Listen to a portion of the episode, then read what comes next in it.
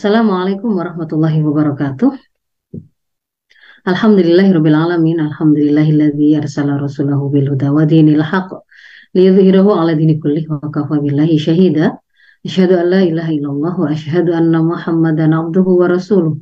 Allahumma shalli ala sayyidina Muhammad wa ala ali sayyidina Muhammad. Rabbi surahli sadri wa yassirli amri wa hlul min lisani yafqahu qawli. Rabbi zidna ilma warzuqna fahma. Alhamdulillahirrahmanirrahim. Uh, sahabat-sahabat muslimah news dot uh, muslimah newscom yang insya Allah uh, dalam semoga semuanya dalam keadaan sehat walafiat beserta keluarga dan juga semoga uh, senantiasa dalam keberkahan Allah dalam setiap urusan urusan kita. Uh, sangat senang sekali pada malam hari ini kami uh, diundang kembali untuk berbagi bersama sahabat muslimah sekalian dalam agenda bedah buku yang untuk malam ini kita akan uh, mengambil topik kepemudaan ya. Karena itu kemudian pilihan saya uh, jatuh pada sebuah buku yang luar biasa uh, yang menceritakan isinya ya semuanya tentang para pemuda istimewa begitu ya. Para pemuda istimewa yang membersamai membersamai Rasulullah SAW dari awal perjuangan beliau hingga kemudian uh, menjadikan Islam yang dibawa dan diperjuangkan pertama kali itu akhirnya sampai kepada kita semua. Nah, eh, sahabat muslimah sekalian, Mbak Ika, saya juga eh, dalam hal ini eh, tidak akan membedah buku ini dengan cara menceritakan seperti mendongengi, misalkan mendongengi anak saya, begitu ya atau kemudian sekedar hanya kemudian menceritakan saja kisah-kisah yang ada di dalamnya tanpa kemudian mengkaitkannya dengan situasi kekinian kekinian dari para pemuda kita. Maka eh, apa yang kemudian hendak saya sarikan atau ambilkan pelajaran dari kisah yang judul dari bukunya itu memang adalah 60 sahabat 60 suri teladan uh, sahabat Rasulullah atau judul aslinya sebenarnya adalah Rijalu Haula Rasul itu tidak kemudian uh, ansih menceritakan kisah mereka tetapi saya akan coba sarikan tarik kepada uh, apa sebenarnya yang bisa kita teladani dari kisah-kisah mereka. Nah, uh, saya mohon izin untuk menyampaikan PowerPoint yang sudah saya siapkan untuk sahabat-sahabat sekalian. Uh, semoga sudah terlihat. Jadi ini adalah salah satu dari uh, cetakan versi cetakan dari biografi 60 sahabat Nabi. Judul aslinya adalah Rijalu Haular Rasul, uh, ditulis oleh Khalid Muhammad Khalid Ya, jadi sangat banyak versinya. Ini adalah hanya salah satu versinya saja. Dan eh, saya nanti ketika menyampaikan bedah buku ini itu akan mengawalinya dengan menyampaikan fenomena eh, para pemuda kita. Para pemuda kita terutama terkait dengan bagaimana mereka memandang hidup mereka, memandang raihan atau capaian yang hendak mereka wujudkan, bagaimana mereka memaknai perjuangan, bagaimana mereka memaknai pengorbanan dan seterusnya sampai kemudian nanti kita akan eh, kaitkan dengan bagaimana seharusnya posisi mereka sebagai seorang pemuda muslim itu dengan eh, mengambil beberapa pelajaran dari kisah di buku ini. Nah, saya awali dari sini dulu bahwa bagaimana sebenarnya fenomena pemuda hari ini memaknai kemuliaan, kesuksesan, kehebatan. Lalu kemudian kalau itu dianggap sebagai sesuatu yang hendak diraih, lalu di situ ada ada uh, effort yang harus mereka keluarkan yang kemudian mereka sebut sebagai perjuangan atau mereka maknai sebagai perjuangan dan kemudian ternyata ada beberapa hal-hal yang ternyata harus mereka bayar sebagai bentuk pengorbanan. Nah, bagaimana sih sebenarnya kemudian hari ini menjadi fenomena? Ya, uh, di antara fenomena yang kemudian mengemuka pada pemuda kita yang hari ini saya potret saja pemuda itu saya ambil dari generasi zilenial, generasi Z dan generasi milenial ya. Uh, saya ambil dua survei gitu ya, dua survei yang satu uh, dilakukan kepada generasi milenial, yang satu nanti dilakukan kepada generasi Z. Nah, ketika ini survei yang pertama ini adalah survei dari TDA Ameritrade tentang millennial and work dilakukan pada tahun 2018 ya. Dikatakan di sana uh, ketika mereka ditanya uh, yang dianggap sebagai sebuah kesuksesan itu dan akan mengatakan pada kebahagiaan itu gimana? Kalau pria milenial mengatakan itu kalau mereka punya penghasilan 1,7 miliar per tahun. Nah, tadi saya belum sempat 1,7 miliar ini kalau dibagi uh, eh, 12 bulan berarti per bulannya berapa ya Mbak? Baik kayak ini ya. Nah, sementara kalau kalau standar milenial wanitanya itu supaya kemudian dikatakan sukses itu mereka uh, minimal menginginkan itu setahunnya mereka memiliki pendapatan 871 juta. Nah, uh, di antara kira-kira sekitar 22 persen ya, seperempat di antara mereka mengatakan akan bahagia kalau sekitar 744 juta minimal gaji mereka atau pendapatan mereka, sementara eh, 41 persennya itu kalau di atas 1,1 miliar. Ini kalau angka-angkanya itu ternyata seperti itu. Dan nanti ada ada beberapa kesamaan dengan generasi Z-nya. Sementara kalau generasi Z itu ketika ditanya, nah ini hampir sama dengan milenial dalam pandangan terhadap uh, sukses itu memang tidak bisa dilepaskan dari pendapatan yang mereka anggap sebagai salah satu indikator kesuksesan, uang yang mereka bisa hasilkan.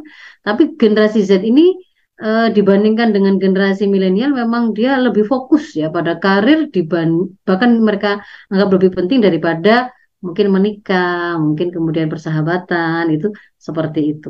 Tapi keduanya zilenial ini punya pandangan yang serupa, jadi mereka ingin mendapatkan gaji yang besar, lalu kemudian eh, cukup cukup prioritas untuk menjadikan menabung itu sebagai sebuah sebuah gaya hidup supaya kemudian mereka mengamankan masa depan begitu.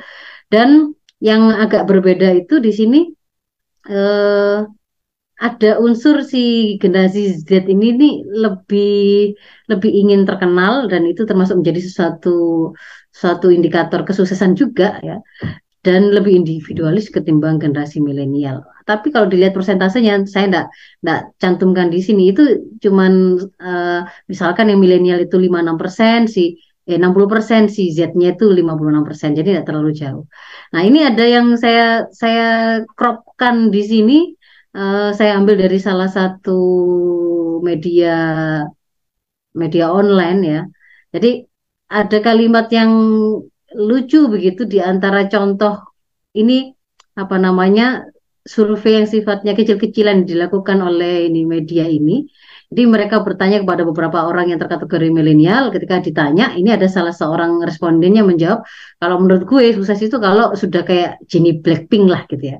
Duitnya banyak, terkenal, cantik, pacarnya ganteng-ganteng. Nah, itu kayak gitu misalkan ya. Jadi ini uh, mungkin kalau ditanyakan atau mungkin uh, sahabat sekalian membaca pada perbincangan di di sosmed uh, di banyak komentar juga nggak akan jauh-jauh dari seperti ini gambaran yang disampaikan oleh netizen yang usianya uh, atau generasinya zilenial ya.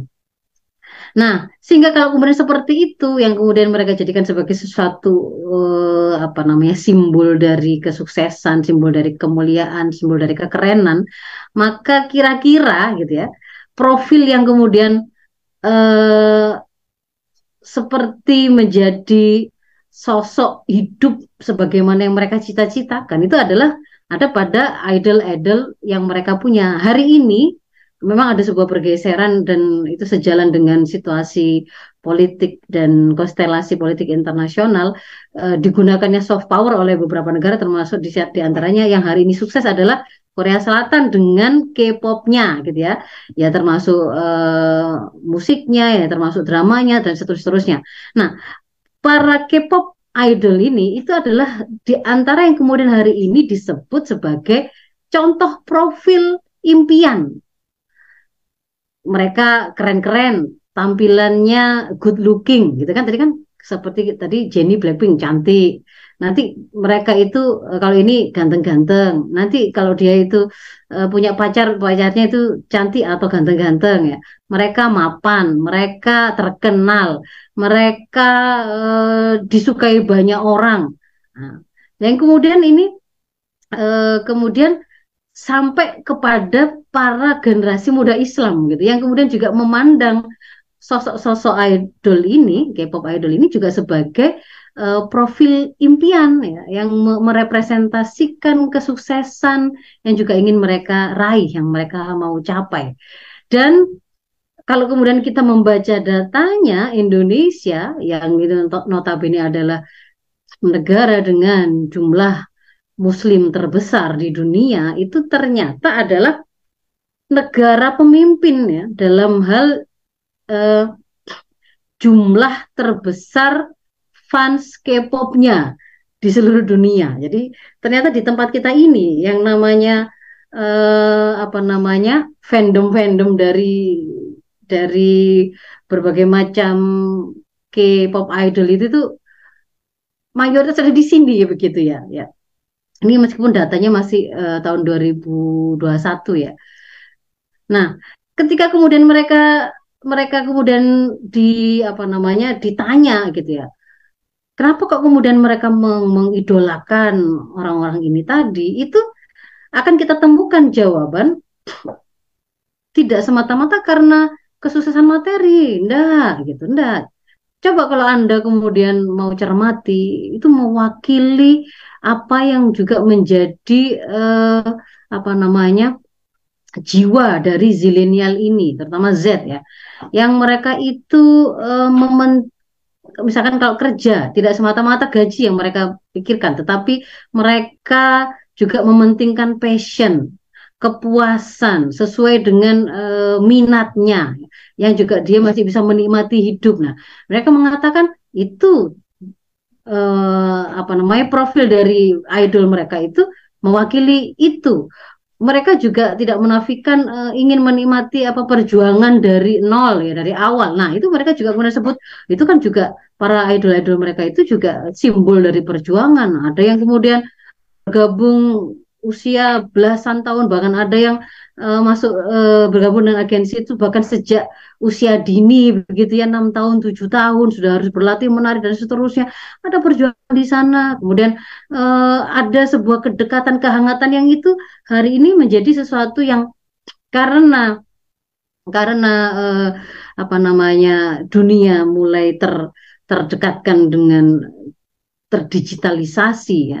Uh, pada saat yang sama mereka terkoneksi dengan dengan dunia yang jauh dari mereka seperti dekat tetapi pada saat yang sama kehidupan nyata mereka kehidupan di keluarga mereka pertemanan mereka itu ternyata juga e, malah jauh begitu ya. Nah apa yang mereka saksikan dari tampilan-tampilan keseharian dari e, idol-idol mereka itu wah itu seperti sesuatu yang mereka inginkan. Persahabatan yang hangat perhatian kedekatan dan seterusnya. Jadi itu juga kemudian mereka sebut sebagai sebuah apa namanya sebagai sebuah sebuah alasan kenapa kemudian mereka menjadikan itu eh, pada para idol itu tadi juga sebagai profil profil mulia, profil yang keren yang harus kemudian mereka raih. Termasuk di antaranya sering kemudian kita kita kita me, mendengar ya, mereka mengkaitkannya dengan uh, dikaitkan dengan nilai-nilai mulia. Kan mereka juga menyuarakan kebaikan. Bahkan ada yang mengatakan dengan menyimak liriknya, kami akhirnya tersemangati. Misalkan contohnya ini, saya ambil hanya salah satu contoh saja. ada nggak hanya sekedar percintaan kok ini ada misalkan terinspirasi dari ikan paus yang namanya Wellian 52 ini ya yang dia itu uh, berbicara atau mengeluarkan suara di frekuensi 52 Hz yang itu tidak lazim uh, ikan paus lainnya itu melakukannya sehingga suaranya dia itu tidak terdengar oleh siapa pun tetapi dia selalu akhirnya meskipun dia menjadi uh, paus yang sendirian begitu ya sendirian di di gelapnya malam di tengah lautan yang dalam, tapi dia terus bersuara sampai akhirnya dia bisa ditemukan oleh manusia. Nah, spirit ini tadi itu juga disuarakan tuh oleh salah satu idol mereka. Maka kemudian mereka sebutlah ini memang benar-benar seperti profil atau prototipe ideal lah untuk sebuah sebuah uh, idol sebagai sebuah capaian sebagai sebuah profil keren. Nah, bahkan kemudian saya uh, sengaja tampilkan di sini beberapa beberapa jurnal ya yang kemudian mengamati uh, bagaimana pola tingkah dari si fandom-fandom ini tadi fans-fansnya si uh, K-pop ataupun K-wave ya harus harus Korea Koreaan pokoknya seperti itu yang yang kemudian ternyata dikatakan di sana jadi si si fans-fans ini itu benar-benar benar-benar dalam rangka untuk me, apa namanya sebagai bentuk keloyalannya sebagai bentuk bentuk perset nggak semata-mata persetujuan tapi bahkan dukungan mereka ke, kepada para idol-idol mereka tadi itu bahkan mereka kemudian menganggap sang idol itu adalah bagian dari dirinya gitu kan ya. Misalkan uh, kalau misalkan saya ambil kasus BTS gitu ya misalkan itu yang anggota yang termuda itu JK misalkan dikatakan di situ seperti dianggap anak mereka sendiri. Jadi termasuk di sini adalah milenial itu adalah generasi seperti saya ya emak-emak ya yang kemudian menganggap seperti membesarkan anaknya sendiri. Kemudian bahkan memang dikenalkan itu uh, ini kalau di kota saya itu ada penelitian ini ini yang jurnalnya saya tampilkan ini itu sampai dikatakan loyalitasnya itu sampai pada tahapan yang disebut sebagai the marriage ya sudah menikahi ya. Para anggota-anggotanya itu kemudian diposisikan oleh para fansnya itu seperti suami mereka suami virtual. Benar-benar memiliki apa yang kemudian menyakiti idol mereka. Oh itu sama dengan menyakiti saya. Kalau kemudian uh, mereka itu sedih menangis, us itu juga saya sampai juga nangis nangis. Itu an, an, anda anda semua sahabat muslim kan bisa melihat itu pada fenomena uh, para fandom-fandom ini. Memang seperti itu. Nah, dan uh, ini kemudian membuat mereka mengantarkan mereka ya pada upaya meyakini satu perjuangan yang harus mereka lakukan. Nah, ini jadi setelah kemudian mereka memaknai oh itu adalah capaian ideal yang mereka mau wujudkan mereka ketemu ternyata ada ada profil yang melakukannya maka kemudian mereka akan berusaha mem mem memproyeksikan dirinya dengan idolnya itu tadi. Apa yang sedang diperjuangkan oleh si idol yang tidak diraih itu berarti itu adalah tujuan saya itu adalah perjuangan saya kan gitu kan ya. Maka kemudian eh, misalkan si idolnya itu kemudian butuh untuk butuh untuk uh, untuk di apa namanya dilakukan uh, memenangkan tanggal lagu tertentu misalkan maka dia akan menjadi uh, fans yang mati-matian saling bekerja sama untuk kemudian berusaha memberikan dukungan misalkan dalam bentuk uh, pertarungan Twitter dan seterusnya seterusnya ini seperti ini termasuk kemudian fokus kepada apa yang sekarang menjadi agenda mereka berusaha mereka mau sukseskan. Ini mereka anggap ini adalah bagian dari perjuangan, tidak semata-mata memainkan jempolnya gitu ya. Nah, maka mereka juga kemudian ndak ndak apa namanya ndak eman ndak eman bahasa Jawa ndak merasa sayang untuk kemudian me melakukan pembelanjaan memburu semua pernak-pernik yang kemudian itu di, di dikeluarkan oleh idolnya gitu ya semangatnya apa? Bukan semata-mata oh, saya memang ingin mengoleksi ini sudah tidak semata-mata begitu. Ini sudah nuansanya itu sudah ketika saya membeli produk itu, saya membeli albumnya, maka itu berkontribusi kepada kesuksesan dari idol saya. Itu akan membantu perjuangan mereka. Padahal perjuangan mereka itu perjuangan yang harus saya lakukan, yang harus itu bagian dari perjuangan saya kan gitu. Jadi benar-benar mereka akan melakukan itu. Maka itu yang yang kemudian eh, apa namanya bagi kita kita jadi akhirnya mengerti kenapa kok mereka sampai membeli bungkus misalkan kemarin itu ya ini ya bungkus McD ya yang bekerja sama dengan BTS yang kemudian disebut sebagai BTS Mil itu sampai bungkusnya saja itu kotak kerdusnya itu sampai jutaan mereka berani beli. Kenapa? Kalau dibilang-bilang itu kan nggak menguntungkan, udah sangat rasional. Di situlah karena sudah ada muatan masuk bahwa itu adalah perjuangan yang harus saya lakukan. Itu adalah pengorbanan yang harus saya berikan gitu ya. Jadi itu kemudian yang terjadi dan bahkan kalau kemudian dilakukan uh, survei begitu ya, ternyata yang dihabiskan ini itu bahkan melampaui ibaratnya kalau ini anak-anak kuliah, anak-anak sekolah gitu ya, yang melampaui apa yang mereka punya sebenarnya gitu ya. Mati-matian mereka itu nabung hanya untuk kemudian dibelikan ke situ atau bahkan melakukan yang lain-lain. Jadi ternyata uang yang dibelanjakan itu rata-rata kalau misalkan ini BTS-nya arminya BTS itu sampai 20,3 juta gitu ya. Kemudian ada yang berikutnya ini juga mereka gunakan untuk beli tiketnya kah, beli merchandise-nya kah, beli albumnya dan seterusnya.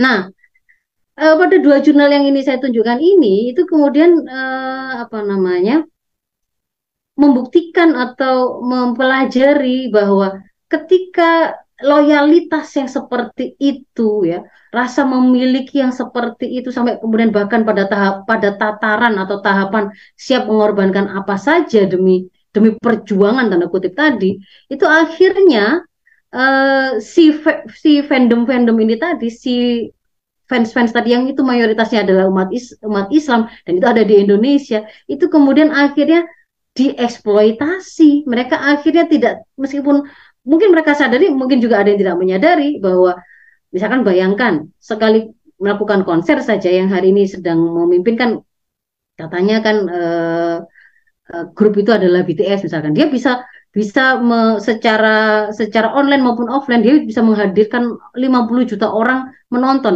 melebihi jumlah penduduk di negaranya sendiri misalkan. Nah, yang kemudian ketika mereka itu datang itu ya terbayang mereka beli tiketnya, mereka beli pernak-perniknya untuk dia pakai, mereka beli apa simbol-simbol yang mereka butuhkan untuk meramaikan, mereka juga meramaikannya dengan uh, perang uh, di di sosmed dan seterusnya. Itu berapa jumlah uang yang kemudian beredar dan diambil dari umat ini? Kita baru bicara uangnya. Belum kemudian tak terbayang umur mereka tak terbayang masa-masa yang mereka punya waktu yang mereka kemudian pakai untuk melakukan hal ini. Nah jadi dari sini bahwa kita melihat ternyata bahkan eh, negara yang menjadikan K-Wave ini tadi itu sebagai soft power hari ini untuk memenangkan diplomasi dan memberi, mempengaruhi negara negara-negara secara global.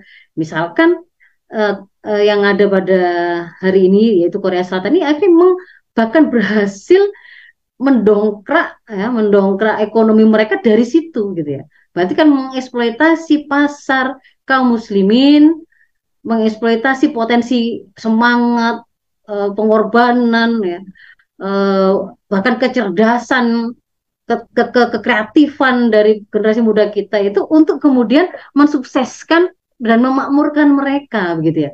Jadi si si Korea Selatan ini sampai kemudian berhasil uh, meningkatkan nilai ekspor mereka, mereka mendapatkan banyak sekali pemasukan dari ini tadi. Kalau kemudian kita lihat pada saat yang sama, justru para pemuda kita itu jadi seperti generasi yang benar-benar tidak punya identitas gitu ya. Kalau kemudian hari ini si idolnya bicara tentang kesetaraan gender, maka dia dia kemudian ikut-ikutan bicara itu. Tanpa kemudian memiliki uh, posisi tersendiri yang kemudian dia gali dari sebenarnya saya itu siapa. Kan dia tadi identitasnya sudah pindah menjadi diproyeksikan seperti idolnya tadi ya kalau kemudian idolnya tadi itu e, me, me, menggunakan atribut-atribut atau dandanan, misalkan laki-laki tapi juga melipstik, laki-laki tapi juga bertindik, mereka bertato, mereka kemudian melakukan pergaulan e, atau makan minum yang itu juga kemudian mungkin makan makanan yang haram, minum minuman alkohol, itu pun kemudian akan membuat generasi muda Islam, pemuda-muda Islam ini juga melihatnya itu sebagai sesuatu yang ah bisa di, bisa dipahami lah nggak masalah lah gitu ya. Kan itu tetap tidak merubah kecintaan saya padanya kesayangan saya pada mereka ini gitu ya. Anak-anak saya suami saya itu kalimat-kalimat mereka itu kan seperti itu ya. Jadi benar-benar ikut arus saja seperti uh, kalau misalkan uh, mau menggunakan perumpamaan seperti di Indonesia ya seperti kerbau dicocok hidungnya mau ikut ke mana saja gitu seperti itu. Berjiwa pembebek karena dia follower karena memang dia memang dia pengikut dia yang ngefans gitu ya bukan dia yang memimpin bukan dia yang membuat arus bukan dia yang membuat sebuah pergerakan tersendiri tapi dia gerakannya pun bahkan dibaca untuk maunya si idol mereka tadi seperti apa nah padahal ini sesuatu yang oleh Rasul itu disampaikan itu dilarang. Jangan sampai kita itu menjadi golongan atau generasi imaah. Kalau ada pokoknya ikut arusnya saja lah. Kalau orang-orang baik ya kita ikut baik. Kalau mereka bicara A ya kita ikut A. Kalau mereka bicara X ya X. Kalau mereka bicara LGBT ya LGBT. LGBT itu oke okay ya oke. Okay. Tidak boleh ada diskriminasi. Mereka juga ikutkan bicara begitu. Kalau kemudian mereka mengatakan, oh, saya mau saya tidak tertarik untuk menikah usia muda gitu kan ya Contohnya, maka mereka juga ikutan begitu. Kalau kemudian idol mereka ditanya berapa jumlah anak yang pengen mereka punya, oh saya kayaknya sih nggak nggak pengen punya anak gitu. Maka mereka juga ikut-ikutan seperti itu, seperti itu.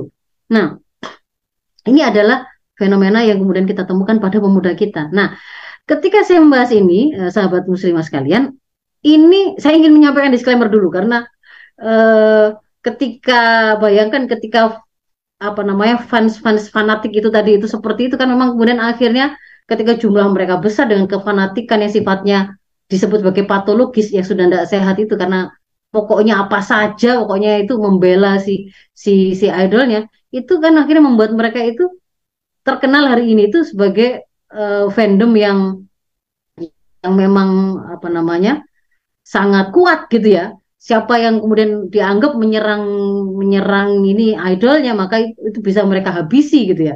Bisa akun bisa dibikin ditutup perusahaan bisa dibikin memaksa diminta maaf. Bahkan ketika ada dokter yang merawat merawat apa idolnya sedang terluka itu dia merasakan ke apa namanya tekanan karena khawatir nanti itu dicela oleh fans-fansnya. Seperti ini ini ini maka saya ingin menyampaikan disclaimer bahwa sebenarnya apa yang kemudian mau yang tadi itu saya sampaikan dan nanti akan saya sampaikan itu sama sekali tidak ada kepentingan, tidak ada tidak ada apa namanya kepedulian pada saya ini mau menyerang fandom A karena saya ada pada posisi fandom B gitu. Tidak ada. Tetapi yang kemudian menjadi fokus saya gitu ya uh, adalah bahwa di situ melibatkan pemuda atau pemudi muslim. Jadi di situ saja yang menjadi fokus kita kita hanya fokus bahwa ternyata yang ada di dalam deretan orang-orang yang kemudian menempatkan perjuangan itu seperti arus hari ini yaitu K-Wave itu tadi, Korean Wave itu tadi, itu ternyata adalah ada pemuda dan pemudi muslim. Kenapa kok kemudian kita itu atau saya itu kemudian peduli kepada pemuda dan pemudi muslim ini? Jadi selama di situ ada pemuda atau pemudi muslim, ada anak-anak umat, maka saya dan ibu-ibu muslimah lain seperti saya akan menganggap mereka adalah bagian dari anak-anak kami karena kami adalah ibu generasi. Mereka para pemuda itu itu adalah syababul ummah. Mereka adalah pemudanya umat ini, generasi mudanya umat ini. Mereka itu posisinya bagi umat ini itu adalah kekuatan umat ini. Mereka itu detak jantung dari umat ini. Mereka itu adalah harta yang berharga bagi umat ini. Kami harus jaga yang kami harus benar-benar pastikan tidak dicuri, tidak diambil, tidak kemudian tersia-siakan. Mereka itu yang kemudian uh, dalam perjalanan sejarah apa pun, syababul umat para pemuda umat ini adalah orang-orang yang me, akan menempati posisi menjadi orang-orang yang alim, yang pandai, yang memimpin para ilmuwan, yang kemudian menyelesaikan persoalan-persoalan di tengah masyarakat, mereka yang menjadi pelopor dari perjuangan, mereka yang akan menegakkan kebenaran dan membela uh, kebenaran itu di mana pun. Nah, Rasul ketika menyebut mereka, para pemuda ini dengan istilah syabab, syabab ini punya makna yang sangat menarik dan semuanya positif. Dia mewakili kekuatan, dia mewakili hal yang baru, hal yang bisa tumbuh ya. Sosok yang muda yang berarti uh, di situ terkumpul banyak kekuatan, ada keindahan juga di situ. Karena perjalanan perjalanan manusia itu dia dari ketika belum apa namanya masih masih dalam proses tumbuh kemudian dia sampai pada gen, uh, usia kemudaannya itu juga terkandung di sana itu adalah keindahannya dan dia juga bisa menjadi awal dari segala sesuatu misalkan uh, muslimahnya muslimah mudanya itu adalah yang akan melahirkan generasi-generasi pemimpin di masa datang para pemudanya itu akan dia akan menjadi pemimpin di masa yang akan datang kan begitu. Jadi ini adalah sesuatu yang yang mewakili gambaran dari pemuda itu. Kalau kita buka di penjelasan dalam Al-Qur'an di dalam surat Ar-Rum 54, kita juga mendapatkan uh, gambaran bahwa Allah me menciptakan manusia itu dalam perjalanan hidupnya itu juga melewati tiga fase secara globalnya. Masa kelemahan pertama, yang itu mungkin masa anak-anak hingga kemudian tumbuh dia menjadi dewasa, di masa mudanya itu kemudian disebut sebagai masa kuat yang terapit di antara dua kelemahan dan masa kuat ini tidak berlangsung selamanya kemudian dia akan berangsur-angsur melemah itu di masa lansia maka di masa muda ini kalau kita zoom kita potret memang dia adalah masa terbaik masa terkumpul potensi terbaik yang dia terkumpul banyak kekuatan, keindahan, keberanian dan semua potensi-potensi yang dibutuhkan untuk membangun satu peradaban satu bangsa. Nah, maka uh, uh, kalau kita kaitkan dengan apa yang menjadi fenomena pemuda musim hari ini tadi, itu sesuatu yang bagi kita, kita melihatnya itu adalah sesuatu yang tidak layak terjadi karena pemuda muslim seharusnya ada dalam kemuliaan dan ketinggian yang hakiki ya. Nanti akan kita pelajari dari uh, apa yang di apa namanya menjadi perjalanan dari para sahabat Rasul tadi yang mulia dan ketinggian yang hakiki itu seperti apa bahwa Allah mengharamkan kekalahan, kerusakan, keterpurukan atas mereka. Kita bahkan tidak boleh didominasi oleh siapa pun. Allah tidak membolehkan kaum muslimin itu ada di bawah dominasi atau kepemimpinan atau kemudian bahkan menjadi follower dari kaum lain gitu ya. Uh, umat ini secara umum termasuk di dalamnya adalah para pemuda itu tidak boleh kemudian uh, apa namanya potensinya hidupnya itu tersia-siakan terabaikan justru sebaliknya yang diperintahkan itu adalah kita berusaha untuk selalu meraih ketinggian, melakukan persoalan-persoalan besar, menghasilkan karya-karya yang besar, yang luhur yang mulia. Inna Allah yuhibbu ma'aliyal umur wa ashrafaha. Sesungguhnya Allah itu mencintai hal-hal yang tinggi dan mulia wa yakrohu safsafaha dan Allah itu membenci kebodohan-kebodohan. Jadi kita tidak rela pemuda yang ibaratnya dia itu ibaratnya kalau onta gitu ya dia punya potensi dia itu membawa di punuknya itu air yang berlimpah tapi karena karena ketidaktahuannya bagaimana meng menggunakan potensi itu atau kemudian ada perlakuan dolim yang dilakukan oleh pihak lain kepada dirinya ternyata seperti unta yang mati kehausan sementara dia di punggung sedang membawa air. Kita tidak ingin, kita tidak rela, rela menyaksikan para pemuda muslim itu menjadi seperti itu gitu ya. Mereka punya umur, umur itu seharusnya kemudian digunakan untuk melakukan uh, hasil karya yang besar gitu ya. Yang kemudian bisa menyelesaikan persoalan-persoalan manusia, karya-karya besar. Ternyata umur mereka itu uh, harusnya kemudian mereka gunakan untuk memperbaiki kualitas diri mereka. Ternyata habis hanya untuk menongkrongi atau um, apa namanya melakukan binge watching gitu ya. Apa dari pagi sampai pagi lagi melihat serial serial Korea drama misalkan drama Korea misalkan. Itu sesuatu yang sesuatu yang tidak layak mereka lakukan para pemuda muslim melakukan. Nah maka uh, harusnya kemudian kita berupaya untuk menyampaikan, menginspirasi, mengajak atau menyeru para pemuda kita untuk belajar. Mengambil ibroh dari kisah Rijal Haula Rasul, para pemuda di sekitar Rasul yang dengan melakukan uh, pengkajian terhadap kisah mereka, kita berharap para pemuda muslim itu bisa kemudian menemukan sebuah contoh hidup ya, profil yang nyata tentang bagaimana sosok-sosok yang mulia dan perjuangan yang sesungguhnya dan kemudian melakukan pengorbanan yang memang memang selayaknya atau memang worth it gitu ya, memang layak untuk dilakukan, untuk diambil. Nah, generasi sahabat Rasulullah ini kalau kemudian kita uh, secara umum gambarkan gitu ya, mereka kan generasi pertama Rasul diangkat Rasul Muhammad SAW menerima wahyu pada waktu usia 40 tahun di Makkah. Di Makkah yang eh, saat itu beliau sendirian mem mem mem memulai dengan satu visi, satu narasi, satu ajaran yang tidak pernah ada sebelumnya. Sesuatu yang benar-benar baru tanpa ada pendukung. Beliau kemudian memulainya dengan mengontak, berinteraksi dengan eh, orang-orang uh, yang ada di sekitar beliau dan kemudian itu akhirnya menjadi pasukan tanda kutip menjadi pendukung, menjadi sahabat, menjadi orang yang membersamai Rasul tadi dari nol sampai kemudian uh, beliau beliau menyelesaikan uh, tugas beliau menjadi menjadi Rasul ya, hingga beliau wafatnya. Jadi mereka ini orang-orang sahabat sahabat Rasul ini adalah orang yang menyaksikan bagaimana wahyu itu turun pertama kali, bagaimana kemudian Rasul itu kemudian menyampaikannya, bagaimana kemudian ketika uh, ajaran tadi wahyu tadi itu disampaikan ada penolakannya seperti apa, bagaimana mereka mempertahankan ketika mereka kemudian menghadapi halangan-halangan, bagaimana kemudian uh, Rasul dan para sahabat ini kemudian menyelesaikannya, bertahan, berjuang, berkorban. Nah, itu yang kemudian Eh, kita bisa saksikan dari mereka. Dan generasi ini itu adalah generasi yang yang dipuji oleh Allah.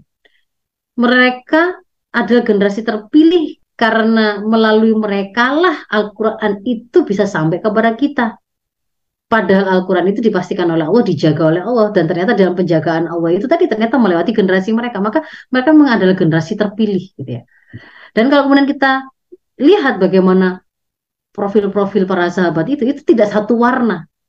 Kalau kemudian hari ini ada yang uh, menyebutkan di antara kenapa kok saya mengidolakan si uh, K-pop idol itu, itu mereka profilnya unik-unik. Nah, kita juga akan mendapati pada masa Rasul ini para sahabat-sahabat Rasul itu juga macam-macam.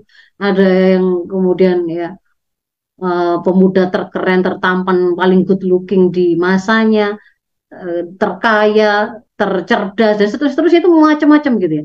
Dari sana kita ada juga yang kemudian dari dari Buddha, dari orang yang miskin, dari orang yang lemah, tetapi kita bisa menemukan uh, satu profil yang kemudian tercetak sama, meskipun mereka dari background yang berbeda-beda. Ketika kemudian Islam menyentuh mereka, mereka dibentuk menjadi profil yang sama, mereka adalah orang-orang yang beriman, mereka adalah orang yang bertakwa, mentajasat pada diri mereka, keterikatan dengan Islam ini, kesiapan mereka untuk melaksanakan Islam dan kemudian memperjuangkan dan menyebarluaskan Islam. Mereka akhirnya tampil sebagai orang-orang yang sangat kesatria, pemberani, uh, fasih lisannya dan seterusnya, sangat loyal dengan hartanya untuk dia infakkan di jalan perjuangan dan seterusnya.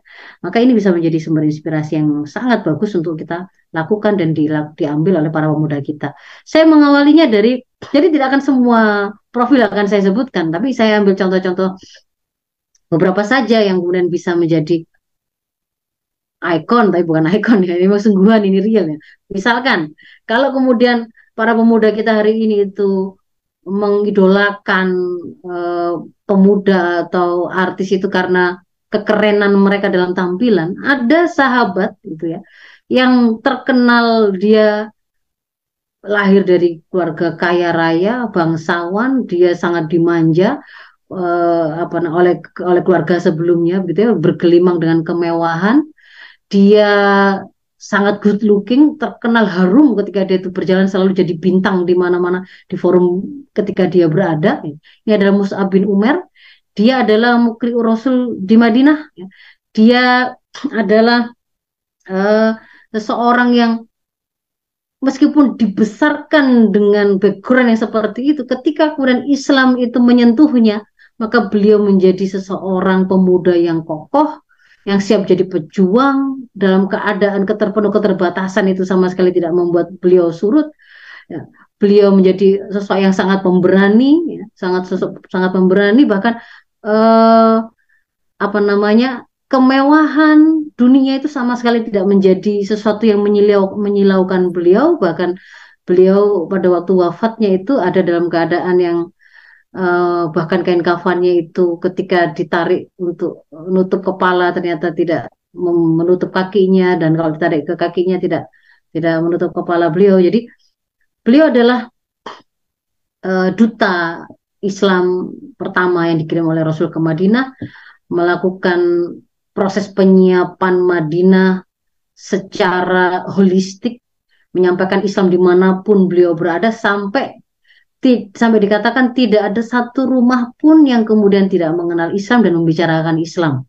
Hingga satu tahun berikutnya berhasil uh, membuat uh, seluruh apa namanya pimpinan-pimpinan kabilah di, di Madinah itu kemudian siap melakukan bayah akobah kedua kepada Rasul yang bayah akobah kedua ini adalah sebuah bayah yang menunjukkan bahwa mereka tidak hanya siap menerima Islam tetapi siap berkorban membela Rasul sebagaimana mereka akan menjaga dan membela istri, anak dan keluarga mereka. Nah, ini juga beliau juga sangat pemberani, sangat tenang ketika melakukan apa namanya eh, dakwah begitu ya. Contoh contoh peristiwa fenomenal beliau yang sangat tenang tadi itu adalah ketika beliau sedang menyampaikan dakwah ke tengah-tengah umat, kemudian ada uh, kepala Qabila Abdul Ashal yaitu Usaid Ibnu Khudair yang datang dengan membawa membawa senjata terhunus gitu ya yang siap untuk kemudian mencelakai Musa bin Umar. Tapi beliau tidak dengan ketakutan tidak dengan sebuah apa namanya eh, kelemahan menghadapi situasi itu tapi dengan keberanian dan ketenangan beliau mengatakan coba eh, anda silakan dengarkan dulu, silakan duduk dulu, dengarkanlah perkataan saya. Kalau misalkan apa yang saya katakan itu adalah sesuatu yang engkau sukai, silakan kau terima. Tapi kalau kemudian memang apa yang saya katakan itu adalah sesuatu yang tidak tepat, silakan kalau kemudian engkau tidak terima. Jadi e, menyampaikan seperti ini di tengah situasi genting itu membutuhkan sebuah keberanian dan ketenangan dan dia memilikinya. Jadi tidak tidak kemudian berarti oh kalau kalau dia itu uh, berasal dari kalau sebuah, seorang pemuda itu berasal dari dari kehidupan yang sebelumnya itu zona nyaman pasti dia manja ya. Enggak. Asalkan dia ter tercelup oleh ajaran Islam. Ya, ini yang dipastikan. Jadi bukan nggak lihat Anda itu berasal dari keluarga kaya raya ataukah Anda dari kekurangan. Kita mendapatkan contoh itu dari para sahabat itu dua-duanya ada. Musa bin Umar ini adalah di antara contoh yang meskipun sebelumnya itu seperti hidup dalam kemanjaan dan aku tetapi ketika tersentuh Islam eh, kesiapan beliau hidup susah, ketenangannya, keberaniannya itu tidak seperti yang kita kita lihat hari ini fenomena anak-anak manja yang selalu mengajukan bapaknya, membesar-besarkan harta orang tuanya gitu ya, yang bersembunyi di balik ketiak bapaknya. Itu tidak seperti itu.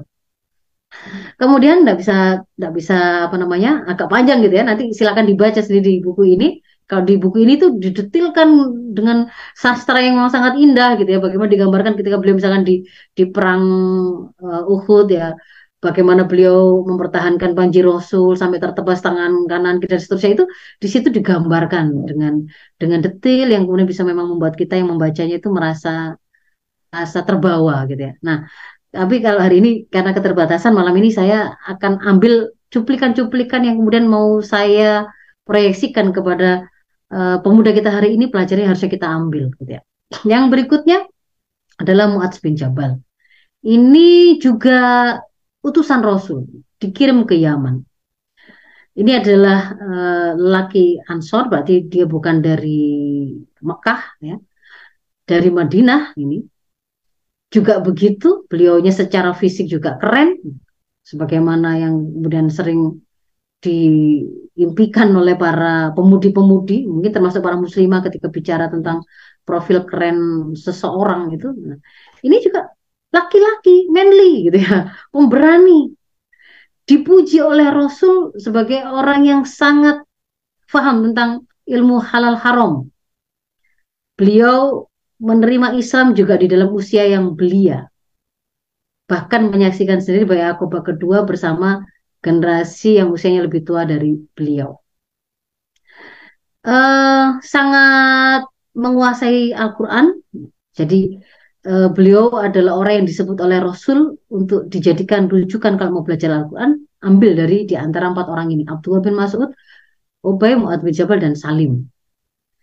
Dan kalau kemudian uh, kita me, apa namanya mendapati beliau ini juga saat kemudian ada di tengah-tengah masyarakatnya, menjadi pemimpin di tengah-tengah masyarakat, itu juga menjadi pemimpin yang benar-benar bertanggung jawab, uh, tidak ra, tidak lari atau kemudian tidak tidak tidak pengecut sebagaimana pemimpin yang mungkin kita lihat hari ini yang misalkan sedang ada bencana begitu ya menimpa masyarakatnya. Itu kan kemudian banyak pemimpin hari ini kita temukan mereka justru hilang gitu ya, hilang dari peredaran. Masyarakat justru kemudian survive survive sendiri. Nah di antara uh, peristiwa yang kemudian kita temukan pada perjalanan Muaz bin itu adalah ketika beliau menggantikan uh, apa namanya sahabat Abu Ubaidah ya yang saat itu menjadi gubernur di wilayah Syam sampai kemudian wafatnya beliau kemudian digantikan oleh Muaz bin Jabal ini beliau pun juga kemudian tetap bertahan di sana untuk me menyelesaikan bersama-sama rakyatnya menghadapi wabah taun amwas pada saat itu. Nah, itu berarti eh, kalau jadi pemimpin itu seperti itu pemuda itu. Jadi dia tidak dia itu tidak apa namanya berpikir untuk dirinya sendiri egois itu tidak boleh. Kalau tadi di dalam survei dikatakan generasi Z memang ada kecenderungan semakin ke ke Z, semakin ke ke muda itu agak-agak lebih egois gitu ya. Sebelum bicara uh, apa namanya berbagi pada orang dia harus dirinya dulu yang kemudian justru menjadi fokusnya gitu. Akhirnya membuat egois, individualis, cuek, hidup dalam dunianya sendiri. Biasanya kemudian malah membuat mereka tidak melakukan interaksi dengan lingkungan sekitarnya. Kalau mereka tidak membangun interaksi, pasti dipastikan mereka tidak bisa menjadi pemimpin di tengah-tengah masyarakatnya. Nah, ini sekarang yang berikutnya Ja'far bin Abi Thalib. Ini adalah sahabat yang memiliki julukan sang pemilik dua sayap atau Atoyar yang ngasih julukan ini gelar ini juga adalah Rasul langsung. Jadi eh, Rasul pernah bermimpi melihat sahabat Ja'far bin Abi Thalib ini terbang bersama malaikat dengan dua sayap. Eh, apa yang kemudian menjadikan sahabat Ja'far bin Abi Thalib ini kemudian mendapatkan kemuliaan tersebut itu karena pada saat di dunia sahabat Ja'far ini menggunakan kedua tangannya untuk mempertahankan panji Islam saat menghadapi musuh sampai kemudian tertebas oleh pasukan Romawi. Nah, karena itulah kemudian Allah memberikan Ja'far dua sayap sebagai pengganti dua lengannya yang tertebas saat uh, pada peperangan Mu'tah. Kemudian ini juga beliau ini juga di antara peristiwa yang kemudian terkenal itu adalah uh, argumentasi beliau yang sangat cerdas ketika uh, apa namanya para sahabat itu apa namanya hijrah ya hijrah ke Habasyah ya, pada waktu dikejar-kejar oleh kaum kafir musyrik Mekah gitu. Sampai kemudian mereka mengejar sampai ke Habasyah dan kemudian uh, kaum kafir musyrik Mekah itu me menyerang menyerang dengan berusaha me menjelek-jelekkan uh, kaum muslimin dengan membawa isu apa namanya eh, dikontrakan dengan agama Raja Najasyi saat itu, Raja-Raja Habasya saat itu.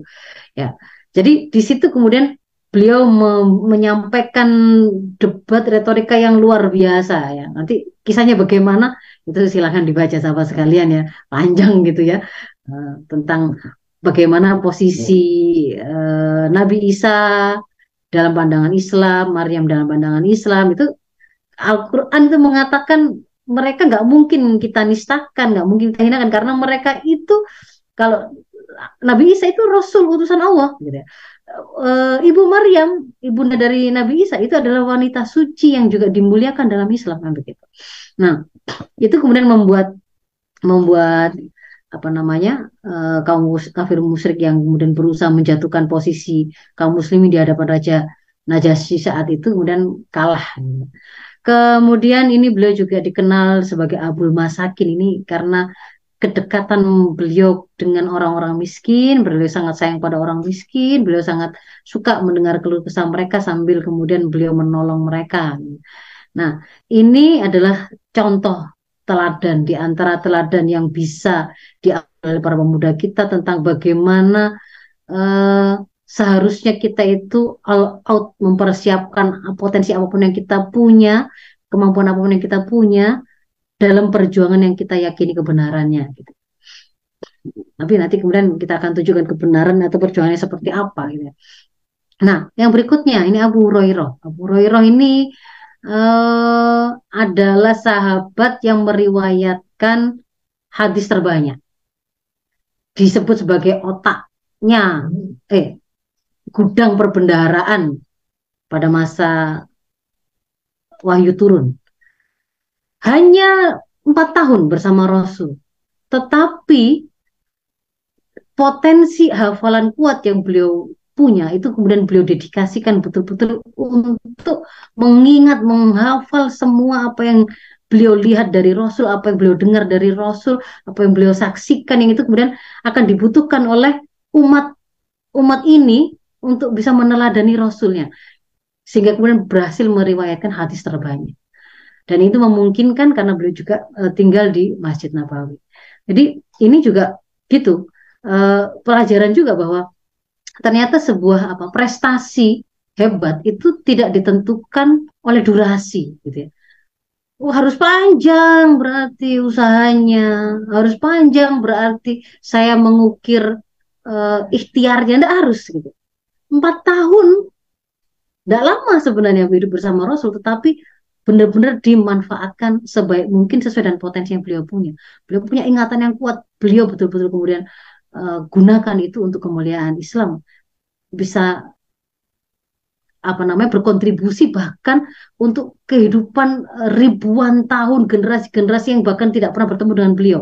Karena beliau mengingat berusaha mengingat perkataan Rasul menyampaikannya beliau mencermati apa yang dilakukan oleh Rasul beliau menceritakannya beliau me mengamati bagaimana Rasul memberikan uh, persetujuan atau diam terhadap satu peristiwa beliau kemudian menyampaikan nah, itu menjadi sesuatu yang kemudian sangat berguna untuk kita semuanya ini uh, berikutnya adalah beberapa sahabat, tujuh sahabat periwayat hadis tertinggi gitu ya. Saya sampaikan dengan cepat saja ada Abdullah bin Umar. Ini istimewanya ini adalah ini pemuda yang uh, sangat saking cintanya beliau pada Rasul itu sangat niru gitu ya, sangat benar-benar menirukan apa saja yang dilakukan oleh Rasul sampai pada hal yang sifatnya. Bahkan mungkin bisa disarah atau bisa difahami itu kan mungkin kebetulan saja. Misalnya Rasul ketika sampai pada satu mau masuk ke kota Mekah, kemudian sempat berhenti di satu tempat, ontanya sempat muter dua kali sebelum kemudian turun melakukan sholat. Itu beliau sampai ikuti yang sampai seperti itu. Saking kecintaannya kepada Rasul kemudian beliau meneladani apa yang dilakukan oleh Rasul dan ini kemudian kita ambil apa di antara pelajaran yang kaum pemuda hari ini gitu ya. hari ini mereka dicekoi justru dengan sebuah narasi-narasi justru justru jangan fanatik-fanatik jangan terlalu me, apa namanya uh, sedikit-sedikit harus kembalikan kepada Allah dan Rasulnya Allah dan Rasulnya. Padahal sebenarnya justru itu adalah itu adalah awal dari bangunan profil yang dimiliki oleh kita sebagai seorang Muslim. Misalkan begini, sebelum tadi itu ada pemuda-pemudi Muslim yang kemudian dia memilih menjadi fandom fans fanatik dari idol K-pop tertentu misalkan. Misalkan saya ambil misalkan jadi army begitu ya. Maka sebelum dia jadi army di situ itu kan dia itu menjadi manusia yang sudah lahir ya, yang sudah diciptakan jadi sebelum itu sebelum dia mengambil profil atau identitas itu sebenarnya dia itu sudah memiliki profil dasar bahwa dia itu adalah makhluk dari Allah al-Khaliq yang selain menciptakannya juga Al-Mudabbir menyertakan juga manual book untuk bagaimana kita hidup yaitu Al-Qur'an yaitu syariah ini. Lah kok kemudian hidup kesempatan seluruh kenikmatan-kenikmatan uh, apa namanya indra-indra uh, seluruh fasilitas untuk menikmati hidup itu tadi ya. Kemampuan kita bicara kemampuan kita uh, ngetik kemampuan kita melihat kemampuan kita kemampuan kita bekerja dan seterusnya itu berasal dari Allah gitu. Kemudian dikalahkan gitu ya. Ketika Allah kita Allah itu memanggil kita memerintahkan kita untuk melakukan satu ketaatan ternyata itu malah dikalahkan oleh profil menjadi fans fanatik dari sebuah idol Korea. Itu itu sesuatu yang tidak layak. Itu harusnya kemudian berpikir seandainya kemudian Allah mencabut nikmat matanya apa kemudian masih dia bisa mengagumi ketampanan atau kecantikan dari idolnya? Seandainya kemudian Allah cabut kemamp dia lemaskan seluruh otot-ototnya anda mau mengangkat stick kebanggaan dari idolmu itu tuh gimana? Jadi harusnya kan kemudian uh, itu mengantarkan pada generasi muda kita itu berpikir bahwa mana sebenarnya uh, ketaatan yang itu kemudian tertinggi, mana sebenarnya uh, kemuliaan, kebahagiaan yang itu sebenarnya hakiki. Kalau kebahagiaan kalau kemudian kita bicara kemuliaan misalkan. Kemuliaan kalau kemudian mereka melihat bahwa uh disambut di mana-mana dibukakan pintu mobilnya dibawakan barang yang jalan di atas red carpet itu adalah sebuah kemuliaan sebuah ke sebuah kebahagiaan. Kalau misalkan kita lihat anggaplah oh tapi mereka kan juga bermanfaat. Mereka juga akhirnya bisa mendonasikan untuk kemanusiaan dan seterusnya. Taruhlah kemudian itu dilakukan begitu kan ya taruhlah kemudian itu tadi itu e, memungkinkan dia dengan ketenaran dengan materi yang dia punya itu kemudian dia bisa melakukan sesuatu yang lain kalau itu ujungnya adalah hanya untuk di kehidupan dunia ini untuk agar dia itu bisa kemudian memakai baju yang keren, membeli rumah atau kemudian aksesoris yang menempel di tubuhnya, kendaraan, makanan dan seterusnya. Ya, itu tidak lepas dari hidup dijalani sebagai uh, tempat makan, minum, tidur BAK, BAB atau kemudian ngeseks, maka kalau kemudian itu yang itu yang kemudian ternyata ujung dari semua perjuangan ya hanya untuk itu, maka itu kan sama sekali tidak berbeda dengan hewan-hewan apa pun hari ini. Yang kerjanya juga ke mana-mana seharian juga nyari makan, lalu kemudian minum, setelah kenyang mereka tidur, kemudian sesekali kemudian mereka BAK, BAB, kemudian kawin, persis gitu loh. Jadi kalau kemudian ritme hidup itu itu meskipun kelihatannya itu dikelilingi oleh banyak banyak fans diagung-agungkan tapi kalau ujungnya hanya untuk menjalani hidup semata-mata hanya di dunia ini dan hanya sebatas makan minum tidur ngeseks BAK BAB ya itu sama dengan kualitas hidup seperti hewan begitu loh. Ya jadi ini berikutnya uh, tadi masih urutan dari tujuh sahabat terbesar yang meriwayatkan hadis ada Anas bin Malik. Ini adalah uh, sahabat yang di, diserahkan oleh ibu beliau yang sangat karena kecintanya kepada Rasul menginginkan agar Anas bin Malik ini me, apa, menjadi maula yang melayani Rasul me, apa namanya melayani kebutuhan-kebutuhan Rasul sehari-hari sehingga beliau akhirnya juga menjadi uh, di antara sahabat yang bisa meriwayatkan hal-hal yang berkaitan dengan kehidupan pribadi Rasul karena beliau ada membersamai Rasul sejak kecil gitu ya. Nah, keberadaan hadis ini, ibu-ibu, eh, sahabat-sahabat muslimah sekalian adalah sesuatu yang sangat penting bagi bagi eh, apa kehidupan kita yang jauh tidak pernah bertemu dengan Rasul, yang kemudian menjalani kehidupan ini dengan berbagai macam tantangan-tantangan yang senantiasa kemudian uh, mengalami perubahan. Dengan adanya Al-Quran dan hadis yang melalui tangan-tangan lisan-lisan mereka ini kita dengan berpegang teguh pada keduanya itu maka kita menjadi menjadi kaum yang tertunjuki ya. ya sebagaimana yang disampaikan oleh Rasul bahwa uh, tidak akan tersesat kau, uh, kalian ya umat umat muslim ini ketika mereka berpegang teguh pada dua yang dua hal yang beliau tinggalkan yaitu Al-Qur'an dan Al-Hadisnya. Jadi ini itu ketika kita membacanya para sahabat ini kenapa kok ber, berlomba-lomba meriwayatkan ini? Nah, itu karena sesuatu yang memang beliau paham, mereka paham ini harus mereka jaga, mereka wariskan, mereka harus pastikan generasi sesudah mereka itu mendengarnya karena itu yang akan menyelamatkan mereka. Nah, ini juga Abdullah bin Abbas, Abdullah bin Abbas ini juga sangat apa namanya terkenal kecerdasan beliau. Uh, beliau juga termasuk di antara rujukan rujukan untuk mengambil ilmu gitu ya menjadi uh, orang yang selalu diminta musyawarahnya Ibnu Abbas meskipun termasuk muda jadi kematangan tidak ditentukan pada usia. Kita tadi dari tadi kita membaca itu adalah para pemuda-pemuda di usia mudanya yang mereka itu ada pada posisi yang ternyata sejajar dengan para senior di atas mereka ketika mereka itu bertukar pikiran gitu ya. Ketika mereka memberikan masukan, ketika bahkan mereka menjadikan rujukan.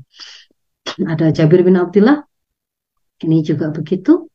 Uh, kemudian ada Abu Said Al Khudri bahkan nah kalau kemudian ada di antara pemuda hari ini yang merasa apa namanya kagum dengan perjuangan perjuangan para talent talent eh bukan talent ya para apa namanya trainee ya mereka menyebutnya ya. Nah, masih muda-muda sudah masuk bergabung dengan agensi lalu kemudian dia berlatih sehari, setiap hari dan seterusnya itu kemudian mereka oh itu loh lihat itu sesuatu yang sesuatu yang sangat uh, apa namanya sangat sangat membanggakan, sangat mengharukan perjuangan dari anak yang masih kecil. Nah, kita kan justru mendapati fenomena yang kayak begitu dengan keberanian yang luar biasa itu ada banyak pada sahabat-sahabat Rasul gitu ya yang berapa banyak sahabat-sahabat itu yang pada waktu beliau itu belum mencapai usia 14 tahun itu sudah datang kepada Rasul mendaftarkan diri minta diizinkan untuk ikut berjuang bersama pasukan Rasul tapi karena beliau mereka-mereka ini belum mencapai usia balik bukan belum mencapai mukallaf itu kemudian tidak diperbolehkan jadi 10 tahun 12 tahun Ali bin Abi Thalib ketika menggantikan Rasul di tempat tidur beliau, di pembaringan beliau yang itu uh, sangat membahayakan nyawa beliau juga dalam usia yang sangat belia gitu. Nah, Abdullah bin Rawaha ini penyair ya, penyair yang sangat di antara penyair penyair yang terkenal di di tengah-tengah kaum muslimin. Beliau dikenal dengan semboyannya, wahai diri jika kau tidak gugur di medan juang, kau tetap akan mati meskipun di atas ranjang. Ini uh, Abdullah ibnu Rawaha ini juga dikenal ketika kemudian beliau uh, diminta untuk menjadi petugas yang me, me, pejabat ya yang mengambil uh, harta zakat dan juga uh, harta umat Islam gitu ya harta negara dari Yahudi Khaybar itu kemudian dia berusaha disuap oleh orang Yahudi Khaybar tetapi uh, pada saat itu dengan ketegasannya, nah ini adalah profil pemuda muslim ya. Dengan ketegasannya dia menolak hal tersebut dan mengatakan bahwa harta yang kaum kalian tawarkan itu adalah haram, kaum muslim tidak akan pernah mengambilnya. Dan itu kemudian membuat orang eh, orang-orang Yahudi itu kemudian sampai terlontarkan kalimat dengan dengan ketegasan seperti itulah dengan sifat muslim yang seperti itulah memang langit dan bumi ini tetap tegak. Itu ya karena jadi sampai seperti itu dikenal loh kan oleh oleh oleh musuh-musuh Islam bahwa kan ke ketangguhan, kegigihan, keistiqomahan, ke ke apa namanya tidak mudah dirayunya untuk melakukan kesalahan profil muslim itu sampai seperti itu bahkan dikenal oleh musuh-musuh mereka. Nggak bisa di nggak bisa dirayu nggak bisa disuap dan seterusnya. Ini uh, Abdullah bin Rawaha beliau juga dikenal sebagai, sahabat yang paling tidak terima kalau sampai Rasul itu dihina. Dan ketika kemudian melakukan pembelaan, pembelaan itu adalah dengan retorika, dengan kalimat yang sangat jelas yang membuat orang yang menghinanya itu kemudian sampai tidak berarti mati kutu begitu ya. Nah ini menjadi sebuah uh, apa namanya profil yang juga harus dimiliki oleh para pemuda Muslim, pemberani ketika menyampaikan pesan-pesan itu memiliki skill Eh, singkat, padat, jelas, mantap ya untuk menyampaikan dakwah ini. Ini di antara contohnya.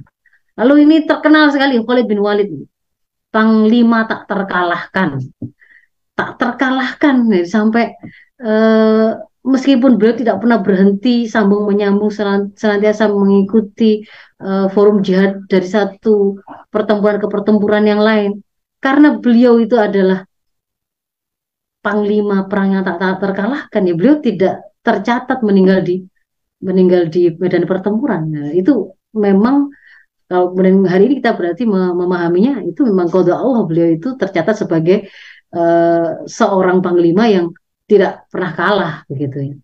Kalau pernah kalau sampai meninggal dan syahid di medan perang kan berarti pernah kalah.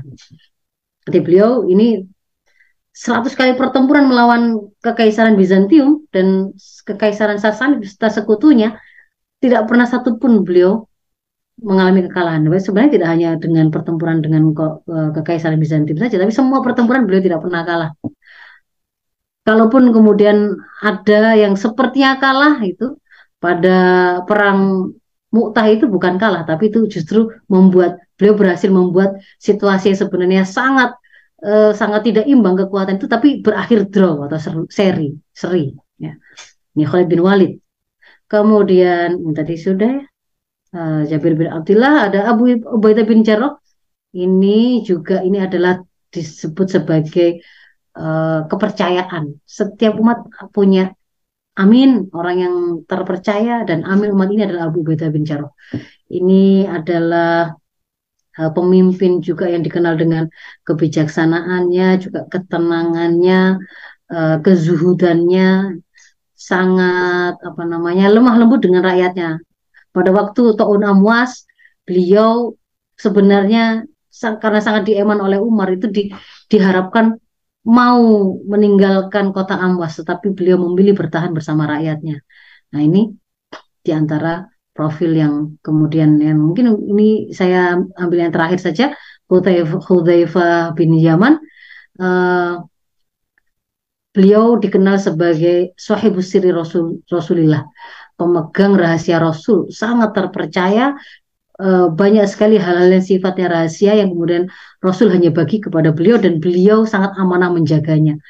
Bahkan sampai Rasul wafat misalkan ada pernah Khalifah Umar itu bertanya kepada Hudzaifah uh, apakah ada di antara gubernurku yang masuk dalam golongan orang munafik? Meskipun Hudzaifah itu tahu tapi beliau tidak menjawab siapakah itu. Beliau menjawab ada satu orang.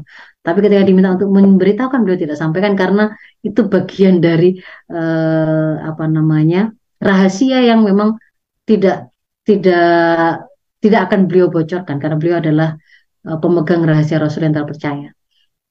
Nah, jadi ada banyak lagi yang lain, ada Anas bin Malik tadi sudah saya sebutkan, ada ada Zaid bin Thabit Katibur Rasul yang dia uh, menjadi penulis surat-surat Rasul yang menerjemahkan uh, apa namanya surat-surat Rasul untuk dikirimkan juga ke negara-negara lain. Ada Usama bin Zaid yang usia 17 tahun sudah memimpin ekspedisi melawan adidaya hari itu, memimpin para senior-senior di atas beliau para sahabat Kubarok. Tapi eh, beliau melaksanakan tugasnya dengan sangat baik. Ada Ali bin Abi Thalib yang Rasul puji dengan mengatakan bahwa eh, Anna Madinatul Ilmu Aliun Babuha ini adalah pintu kota ilmu begitu ya. Beliau menjadi rujukan atau referensi bagi sahabat-sahabat senior dalam banyak hal dan seterusnya. Masih banyak yang lain yang kalau kemudian kita lihat mereka semua profilnya itu adalah pertama mereka paham betul hakikat dirinya siapakah mereka? Mereka bukan lahir dari ruang hampa, ruang kosong. Ketika hari ini kita, kita itu ada saat ini menjadi seorang pemuda atau pemudi, kita kalau para sahabat-sahabat itu tadi itu adalah orang yang sudah bisa menjawab dari manakah saya? Sebelum saya itu ada di sini, saya ada di mana? Oh, saya ada di alam rahim. Saya ada sebelumnya di alam ruh. Alam ruh semuanya itu di balik itu adalah ada Allah yang menciptakan. Kan begitu kan ya? sehingga kemudian saya ini ada di sini ini diadakan oleh siapa? Dia tuh tahu bukan tanpa maksud diadakan oleh Allah diciptakan oleh Allah. Allah itu adalah uh, al kholik sekaligus al mudabbir yang kemudian menciptakan kita dan visi penciptaan sebagaimana diceritakan dalam hadarat iman 6 yaitu untuk mengabdi kepadanya. Maka para sahabat itu tadi itu adalah profilnya adalah mereka semua adalah hamba-hamba Allah. Mereka juga adalah para pengelola bumi mereka berbagi tugas. Ada yang menjadi ahli militer, ada yang uh, ahli strategi perang, ada yang uh, ahli bahasa, ada yang dia itu uh, apa namanya penghafal hadis, ada yang mereka itu orang yang apa namanya dikenal sebagai abul masakin, macam-macam gitu ya. pemberan, tapi mereka semua ada pada profil yang sama. Mereka adalah orang-orang yang solih, yang taat kepada aturan yang diturunkan oleh Tuhan mereka, yaitu Allah. Mereka taat kepada syariah, menginternal pada diri mereka ketaatan pada syariat tersebut, mereka menjaganya, mereka memperjuangkannya, mereka menyebarluaskannya. Mereka siap memakmurkan bumi ini sebagaimana tuntunan yang diberikan oleh Tuhan mereka. Mereka terjaga fitrahnya atas atas uh, fitrahnya yang lurus bahwa fitrahnya manusia itu dilahirkan itu adalah dia itu akan beriman kepada Allah dan kemudian mentaati Allah. Dan kemudian mereka berusaha mengasah kemampuan-kemampuan yang apa pun yang mereka punya, potensi apa pun, potensi akal yang mereka punya, potensi indera yang mereka punya, potensi fisik yang mereka punya, semangat, kemampuan berbicara, menulis dan apa pun itu untuk kemudian membuat mereka menjadi profil-profil yang kuat, yang tangguh, tidak tidak lemah begitu ya, tidak lemah dan mereka menjadi khairu ummah karena mereka menjadi penegak amar ma'ruf nahi mungkar yang eh, berusaha dengan kokoh menjaga kebenaran itu, berdiri atas kebenaran itu, menegakkan keadilan itu. Sampai seperti pada kisahnya Abdullah bin Rawaha tadi, itu sampai musuh pun mengakui bahwa dengan itulah memang dengan ketegasan para muslim yang seperti itulah memang bumi dan langit tetap tegak, gitu, ya, langit tetap tegak. Nah, mereka menjalankan peran ini bagaimana kaum uh, Arab yang jahiliyah punya peradaban yang jahiliyah seperti itu kemudian dirubah oleh Islam. Mereka berubah dulu kemudian mereka menyebarkan perubahan tadi mereka menjadi generasi pengubah peradaban. Mereka yang kemudian memimpin umat itu meraih kebangkitannya bahkan kaum yang semula dikira ketika sampai ke Romawi, sampai ke Persia itu dikira itu hanya untuk nyari makan, itu kemudian ternyata mereka sama sekali uh, tidak tertarik dengan dengan hal yang sifatnya materi seperti itu, tetapi hanya ingin membebaskan manusia dari penghambaannya kepada selain al-khaliq menjadi uh, menghamba hanya kepada sang penciptanya. Maka mereka pemimpin kebangkitan, mereka menjadi pelaksana kemaslahatan di tengah masyarakat. Mereka yang kemudian membuat uh, peradaban Islam itu dikenal ketinggiannya, kehebatannya. Mereka juga dikenal sebagai penegak kebenaran, pengoreksi kedoliman, kemungkaran, dan akhirnya menyampaikan risalah ini ke seluruh alam. Jadi mungkin itu uh, uh, di antara cuplikan yang bisa kita ambil dari apa yang dikisahkan di buku Rijal Haular Rasul. Demikian Mbak Ika yang bisa saya sampaikan? Apakah kemudian ada di sesi diskusi ya? Iya, ya Ustazah luar biasa sekali penjelasan dari Ustazah terkait apa uh, potret generasi yang yang ada di zamannya Rasulullah dan juga dikaitkan dengan para peran pemuda hari ini. Tapi ini sebelum, walaupun ini sudah jam 9 Ustazah, ini ada satu pertanyaan ini. Jadi uh, tadi kan Ustazah gambarkan betapa rusaknya apa uh, generasi hari ini. Dan hmm. dan memang itu dirasakan susahnya mengajak apa itu generasi kajian dakwah itu memang luar biasa. Kadang-kadang ini yang yang beberapa sering ya bukan sering ya pernah ditemui itu seperti begini saja kadang-kadang mereka itu mager males gerak terus baperan, mental illness, dan dikit-dikit baper, baru mungkin baru disindir terkait masalah menutup aurat langsung kayak nggak mau ngaji lagi di, di dibahas ketika ikut kajian dibahas terkait hubungan laki-laki perempuan nggak boleh pacaran dan sebagainya langsung nggak mau ngaji lagi katanya kajian itu banyak saya ngaji tempat lain saja. Nah, maksudnya ada kasus-kasus seperti itu. Ini menurut saja bagaimana sih saja kenapa sekarang itu remaja, pemuda itu kok susah sekali diajak, diajak ngaji ini bagaimana menurut saja solusi dan tips-tipsnya itu untuk mengajak mereka itu biar seperti yang digambarkan sahabat Nabi itu bagaimana saja? Monggo silakan. Hmm. Ya, jadi kalau kemudian yang kita saksikan hari ini pada generasi muda kita kok profil mereka lemah gitu ya. Satu sisi uh, memang ada sebuah proses yang melatar belakangi terjadinya kelemahan tersebut ya. Ada pengabaian, ada ketidakoptimalan penyiapan yang kita lakukan sebagai umat ini ya, uh, yang memang kemudian mendapatkan amanah untuk menyiapkan generasi-generasi yang untuk kuat gitu.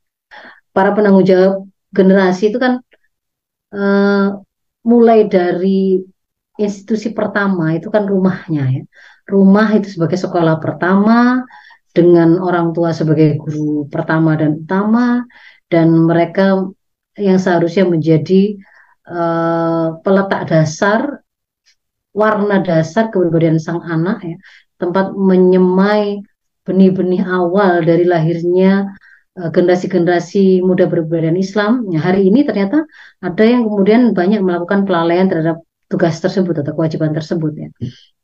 Para bapak banyak yang kemudian tidak terlibat dalam pendidikan anak-anaknya sehingga kemudian kalau di negeri kita bahkan disebut sebagai negara dengan ranking ketiga dalam hal fatherless ya. Bapaknya sih ada gitu ya.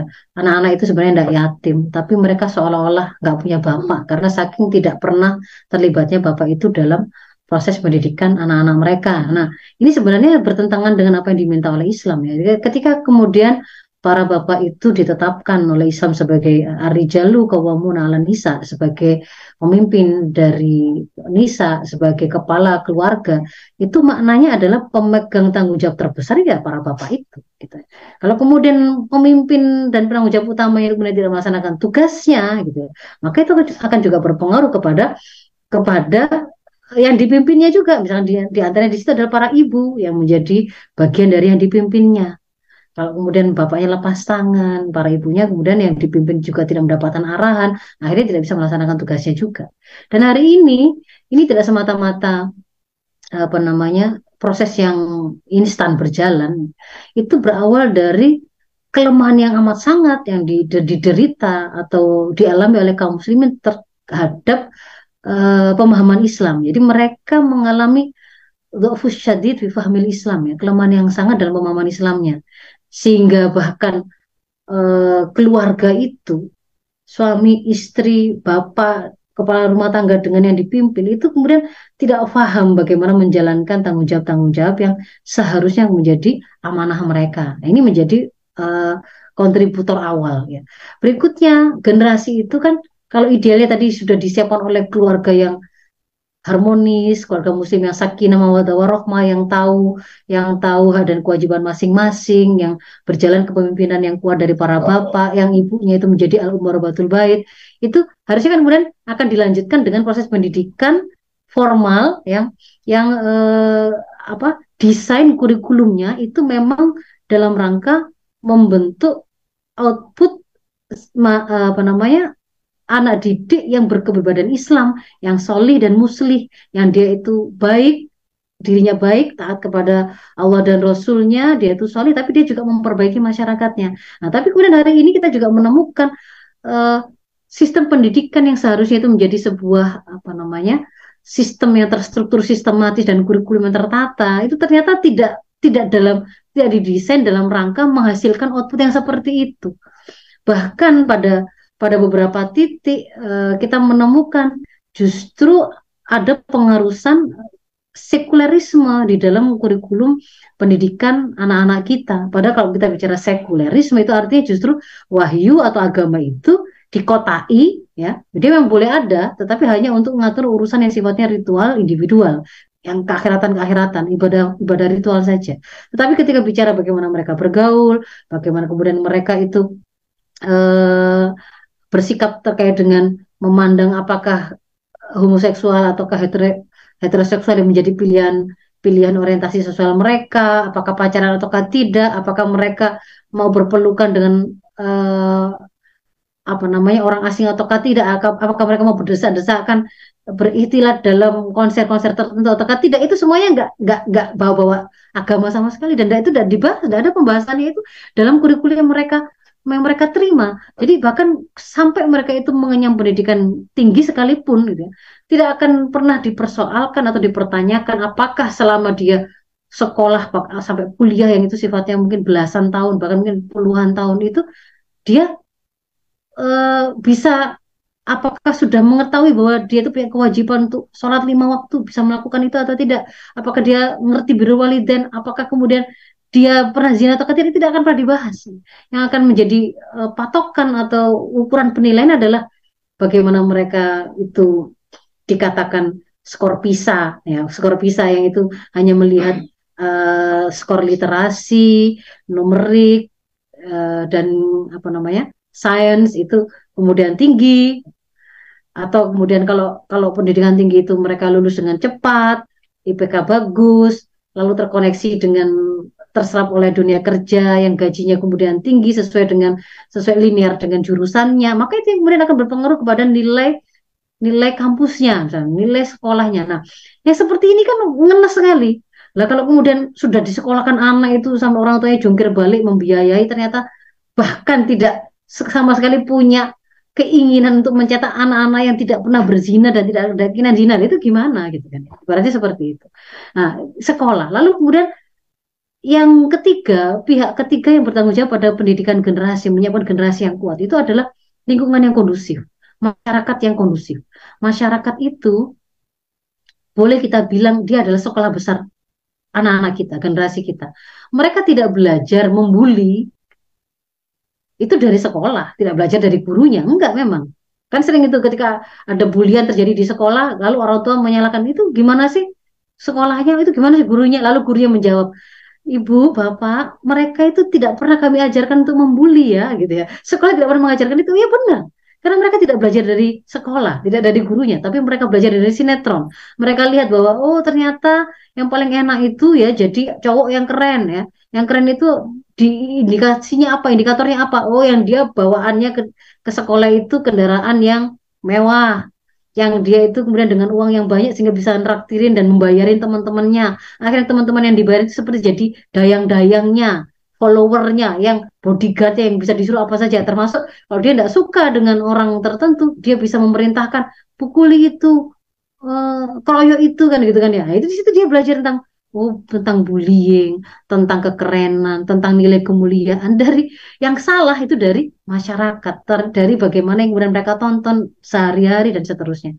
Nah, masyarakat itu warnanya seperti apa, interaksinya itu benar ataukah tidak, mulia ataukah rusak gitu ya, apakah hina. Di situ itu ada banyak ada banyak hal-hal rendah yang dibiarkan atau kemudian di, dijaga, dibersihkan, itu tergantung kepada aturan apa yang sedang diterapkan di tengah-tengah masyarakat itu oleh negara. Maka di sini ada tanggung jawab negara juga. Jadi kalau kemudian hari ini kita bicara generasi muda kita kok sepertinya profil mereka kok nggak kuat ya. Ya karena mereka kehilangan pertama benih yang menjadi awal lahirnya profil keberadaan Islam mereka yaitu tauhidullah yang kuat yang melahirkan akidah Islam yang kokoh itu sebagai akar yang kemudian akan membuat mereka itu tahu bahwa saya itu harus hidup sesuai dengan dengan tuntunan syariah Allah, maka mereka berusaha mengilmuinya, mereka berusaha mendekatkan diri kepada Allah dan takrub ilallah sehingga mereka tidak merasa berat ketika setiap kali mendengar perintah Allah samina wa itu dirusak, hari ini di hari ini itu dilemahkan dengan dengan mereka dijauhkan dari agama, sekularisasi, mereka dijauhkan dari syariat dengan stigmatisasi, dengan uh, melebeli mereka fanatik atau radikal atau ekstrim kalau kemudian mereka berusaha taat pada syariat secara kafah nah itu melemahkan gitu ya. Dan itu kemudian ditunjang dengan masyarakat yang rusak nggak ada aturan yang tegas tentang apa baik buruk halal haram terpuji tercela. Orang bisa menge-share apa saja itu di sosmed. Nah itu kemudian menjadi tempat belajar mereka yang mereka belajar kerusakan. Dan hari ini juga uh, seolah-olah kemudian negara tidak memiliki kemampuan untuk menjadi apa uh, junnah ya menjadi roin dan junah. Roin itu pemelihara urusan rakyat, pemelihara urusan rakyatnya. Kalau rakyat itu butuh sekolah yang gratis, butuh sekolah berkualitas tapi terjangkau. Seperti hari ini negara nggak punya cukup uang gitu kan ya, karena dia terjerat utang, karena dia tidak memiliki dan menguasai lagi uh, sumber daya alamnya. Akhirnya apa? Sekolah menjadi mahal. Sekolah mahal membuat orang tua di rumah juga harus banting tulang, nggak sempat ngurusi anaknya. Ini kan bagian tidak terlaksanakannya roin. Junah juga begitu. Junah itu perisai. Negara seperti kehilangan kemampuan untuk melindungi generasinya gitu ya. Masa kemudian ada di tengah-tengah masyarakat ini oh, predator-predator seksual yang masih bebas berkeliaran dan mereka ada bersembunyi di, kampus-kampus, di mungkin di pesantren, mungkin di di sekolah-sekolah itu kemudian ternyata tidak sampai membuat jerah gitu ya Itu kenapa bisa, bisa kita bilang nggak membuat cerah? Karena ada celah yang cukup longgar sampai mereka itu punya korban ratusan yang beberapa kali sekolah internasional itu bule-bule itu guru-guru bule itu kan sampai ratusan begitu. Jadi di sini yang di antaranya. Nah itu satu sisi itu kan berarti kaum musliminnya. Tapi pada saat yang sama ini sebenarnya juga tidak lepas dari memang ada serangan yang didesain oleh musuh-musuh Islam. Di antaranya contohnya uh, Korean Wave tadi itu salah satu bentuk penjajahan gaya baru sebenarnya. Soft power. Tapi itu penjajahan gaya baru. Yang kemudian kita mungkin kalau kita nggak nggak benar-benar pahami nggak sadari seolah-olah itu kan kayak kayaknya kan cuma masalah masalah musik saja ya budaya saja. Oh tidak. Kalau seandainya itu hanya semata-mata persoalan musik saja atau tarian saja coba. Yang yang kemudian mereka ambil dan peras dari anda generasi muda kita itu apa? Bahkan umur, bahkan kecerdasan, bahkan kemampuan berbicara, bahkan jempol Anda mau Anda pakai ngapain, uang Anda, gitu ya, dipakai oleh mereka gitu. Itu jadi saya kira harus uh, kita akui ada kontribusi, ada kelemahan yang harus segera kita perbaiki dari diri kita, tapi kita juga paham memang ada ada strategi-strategi yang dilakukan oleh musuh-musuh Islam itu juga harus kemudian kita tolak dan kita lawan, gitu ya. Jangan ikut arus. Itu mungkin baik kan? Iya, Ustazah. Jadi memang kerusakan pada generasi ini tidak terlepas dari sistem dan kondisi masyarakat hari ini yang jauh dari Islam ya Ustaz ya. Jadi memang ya. ada gerakan untuk mendobrak itu semua walaupun susah hmm. ya. Ya terus gambarnya cari uslub terus ya Ustaz ya. Cari ya. cara untuk mengajak mereka agar terketuk gambarannya ya hati dan pikirannya untuk mau bersama-sama me mendakwakan Islam. Baik Ustazah, kira-kira ada close statement Ustazah di pertemuan hmm. kita pada hari ini oleh-oleh ya. buat sahabat muslimah news? Ya, pesan untuk para pemuda kita ya. Jadi supaya kemudian kita itu tidak uh, potensi kita tidak tercuri, tidak tersia-siakan, bahkan kemudian atau mungkin bahkan tereksploitasi atau dieksploitasi oleh orang lain, kaum lain, umat lain, negara lain, maka satu-satunya jalan para pemuda muslim itu harus mengenali jati diri sesungguhnya, dirinya itu siapa. Bahwa kalian itu adalah generasi muda Islam. Kalian itu adalah pemuda Islam. Kita ini adalah para pemuda-pemudi Islam. Al-Islamu ya'lu wala yu'la alaih. Islam itu tinggi dan tidak ada yang lebih tinggi dari Islam cukup dengan hanya memegang Islam, maka kita, para pemuda, pemudi ini, itu akan terangkat pada ketinggian. Tapi justru ketika kemudian kita melepaskan Islam tadi, maka kita akan jatuh kepada lumpur dan kehinaan.